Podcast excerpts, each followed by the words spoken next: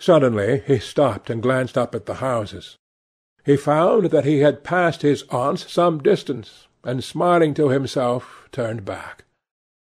When he entered the somewhat sombre hall, the butler told him that they had gone in to lunch. He gave one of the footmen his hat and stick, and passed into the dining-room. "Late as usual, Harry!" cried his aunt, shaking her head at him. He invented a facile excuse, and, having taken the vacant seat next to her, looked round to see who was there. Dorian bowed to him shyly from the end of the table, a flush of pleasure stealing into his cheek. Opposite was the Duchess of Harley, a lady of admirable good nature and good temper, much liked by every one who knew her, and of those ample architectural proportions that in women who are not duchesses are described by contemporary historians as stoutness. Next to her sat, on her right, Sir Thomas Burdon, a radical member of Parliament who followed his leader in public life, and in private life followed the best cooks, dining with the Tories and thinking with the Liberals, in accordance with a wise and well-known rule.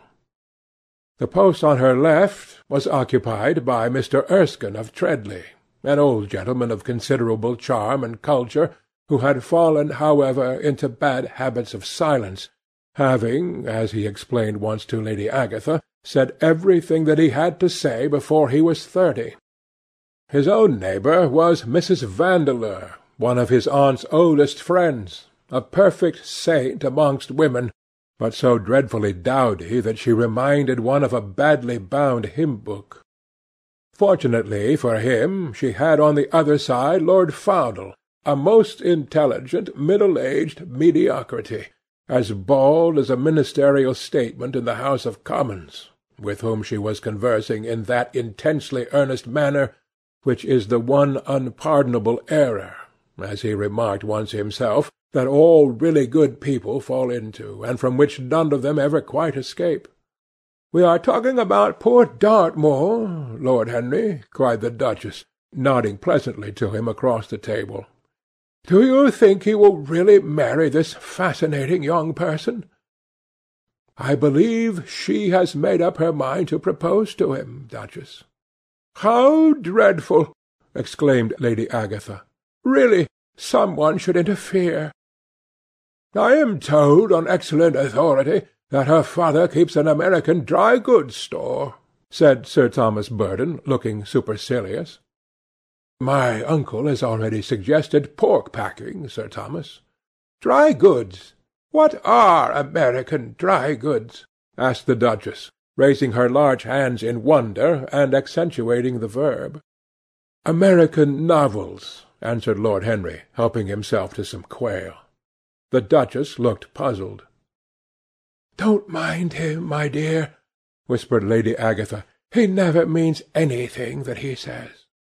When America was discovered said the Radical member, and he began to give some wearisome facts. Like all people who try to exhaust a subject, he exhausted his listeners.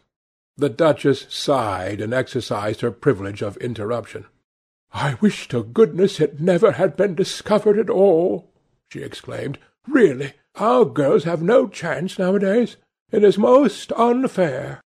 "Perhaps, after all, America never has been discovered," said Mr. Erskine. I myself would say that it had merely been detected." "Oh, but I have seen specimens of the inhabitants," answered the duchess vaguely. "I must confess that most of them are extremely pretty. And they dress well, too. They get all their dresses in Paris. I wish I could afford to do the same." "They say that when good Americans die they go to Paris chuckled Sir Thomas, who had a large wardrobe of Humour's cast-off clothes. "Really? And where do bad Americans go to when they die?" Inquired the duchess. "They go to America," murmured Lord Henry. Sir Thomas frowned. "I am afraid that your nephew is prejudiced against that great country," he said to Lady Agatha. I have travelled all over it in cars provided by the directors, who in such matters are extremely civil. I assure you that it is an education to visit it. But must we really see Chicago in order to be educated? asked Mr. Erskine plaintively. I don't feel up to the journey. Sir Thomas waved his hand. Mr. Erskine of Treadley has the world on his shelves. We practical men like to see things, not to read about them. The Americans are an extremely interesting people. They are absolutely reasonable. I think that is their distinguishing characteristic. Yes, Mr. Erskine, an absolutely reasonable people. I assure you there is no nonsense about the Americans. How dreadful! cried Lord Henry. I can stand brute force, but brute reason is quite unbearable. There is something unfair about its use. It is hitting below the intellect. I do not understand you, said Sir Thomas, growing rather red. I do, Lord Henry, murmured Mr. Erskine with a smile. Paradoxes are all very well in their way, rejoined the baronet. Was that a paradox? asked Mr. Erskine. I did not think so. Perhaps it was. Well, the way of paradoxes is the way of truth. To test reality we must see it on the tight rope. When the verities become acrobats, we can judge them.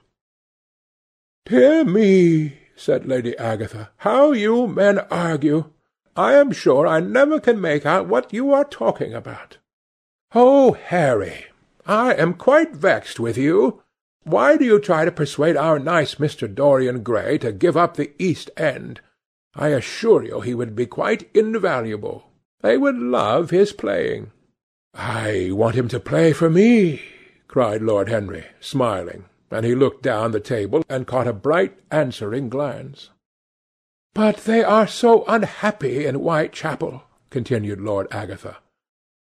I can sympathize with everything except suffering, said Lord Henry, shrugging his shoulders. I cannot sympathize with that. It is too ugly, too horrible, too distressing. There is something terribly morbid in the modern sympathy with pain. One should sympathize with the colour, the beauty, the joy of life. The less said about life's sores, the better. Still, the East End is a very important problem, remarked Sir Thomas, with a grave shake of the head. Quite so, answered the young lord. It is the problem of slavery, and we try to solve it by amusing the slaves. The politician looked at him keenly. Oh, what change do you propose, then? he asked. Lord Henry laughed. I don't desire to change anything in England except the weather, he answered. I am quite content with philosophic contemplation. But as the nineteenth century has gone bankrupt through an over-expenditure of sympathy, I would suggest that we should appeal to science to put us straight. The advantage of the emotions is that they lead us astray, and the advantage of science is that it is not emotional. But we have such grave responsibilities, ventured Mrs. Vandeleur timidly. Terribly grave, echoed Lady Agatha. Lord Henry looked over at Mr. Erskine. Humanity takes itself too seriously. It is the world's original sin. If the cavemen had known how to laugh, history would have been different. You are really rather comforting, warbled the Duchess. I have always felt rather guilty when I came to see your dear aunt, for I took no interest at all in the East End. For the future I shall be able to look her in the face without a blush. A blush is very becoming, Duchess, remarked Lord Henry. Only when one is young, she answered. When an old woman like myself blushes, it is a very bad sign. Ah, Lord Henry, I wish you would tell me how to become young again. He thought for a moment. Can you remember any great error that you committed in your early days, Duchess? he asked, looking at her across the table. A great many, I fear, she cried. Then commit them over again, he said gravely. To get back one's youth, one must merely to repeat one's follies. A delightful theory, she exclaimed. I must put it into practice. A dangerous theory, came from Sir Thomas's tight lips. Lady Agatha shook her head, but could not help being amused. Mr. Erskine listened. Yes, he continued, that is one of the great secrets of life. Nowadays most people die of a sort of creeping common sense, and discover when it is too late that the only things one never regrets are one's mistakes. A laugh ran round the table. He played with the idea and grew wilful, tossed it into the air and transformed it, let it escape and recaptured it, made it iridescent with fancy, and winged it with paradox. The praise of folly, as he went on, soared into a philosophy, and philosophy herself became young, and catching the mad music of pleasure, wearing, one might fancy, her wine-stained robe and wreath of ivy, danced like a bacchante over the hills of life, and mocked the slow Silenus for being sober. Facts fled before her like frightened forest things.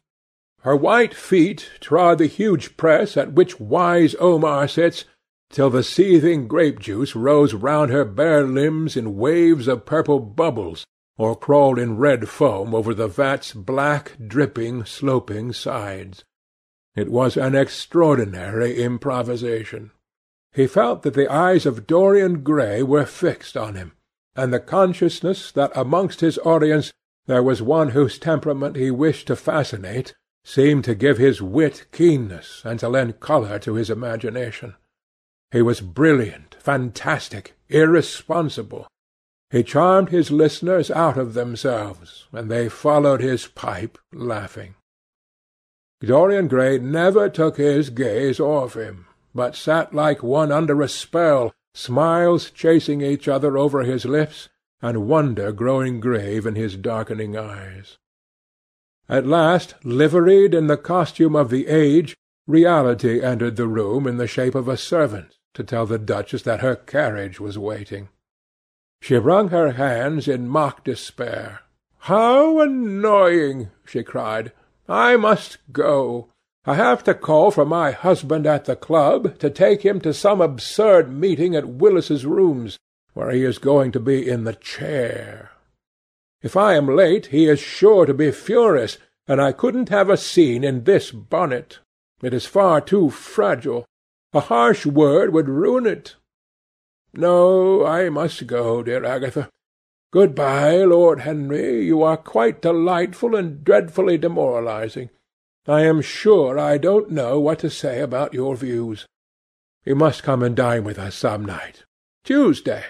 Are you disengaged Tuesday? For you I would throw over anybody, Duchess, said Lord Henry with a bow. Ah, that is very nice and very wrong of you, she cried. So mind you come. And she swept out of the room, followed by Lady Agatha and the other ladies. When Lord Henry had sat down again, Mr. Erskine moved round, and taking a chair close to him, placed his hand upon his arm. "You talk books away," he said. "Why don't you write one? I am too fond of reading books to care to write them, Mr. Erskine. I should like to write a novel, certainly, a novel that would be as lovely as a Persian carpet, and as unreal. But there is no literary public in England for anything except newspapers, primers, and encyclopedias. Of all the people in the world, the English have the least sense of the beauty of literature.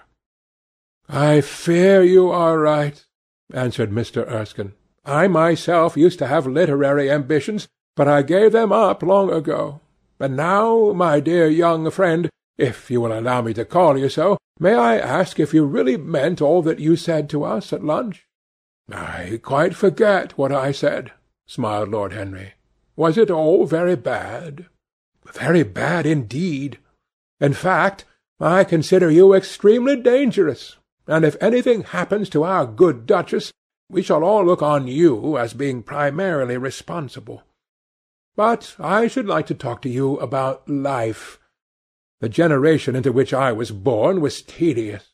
Some day, when you are tired of London, come down to Treadley and expound to me your philosophy of pleasure over some admirable Burgundy I am fortunate enough to possess. I shall be charmed. A visit to Treadley would be a great privilege. It has a perfect host and a perfect library. You will complete it, answered the old gentleman with a courteous bow. And now I must bid good-bye to your excellent aunt. I am due at the Athenaeum. It is the hour when we sleep there. All of you, Mr. Erskine. Forty of us, in forty arm-chairs. We are practising for an English Academy of Letters. Lord Henry laughed and rose. I am going to the park, he cried. As he was passing out of the door, Dorian Gray touched him on the arm. Let me come with you he murmured. "But I thought you had promised Basil Hallward to go and see him," answered Lord Henry. "I would sooner come with you. Yes, I feel I must come with you. Do let me. And you will promise to talk to me all the time? No one talks so wonderfully as you do." "Ah, I have talked quite enough for to-day," said Lord Henry, smiling. All I want now is to look at life. You may come and look at it with me if you care to.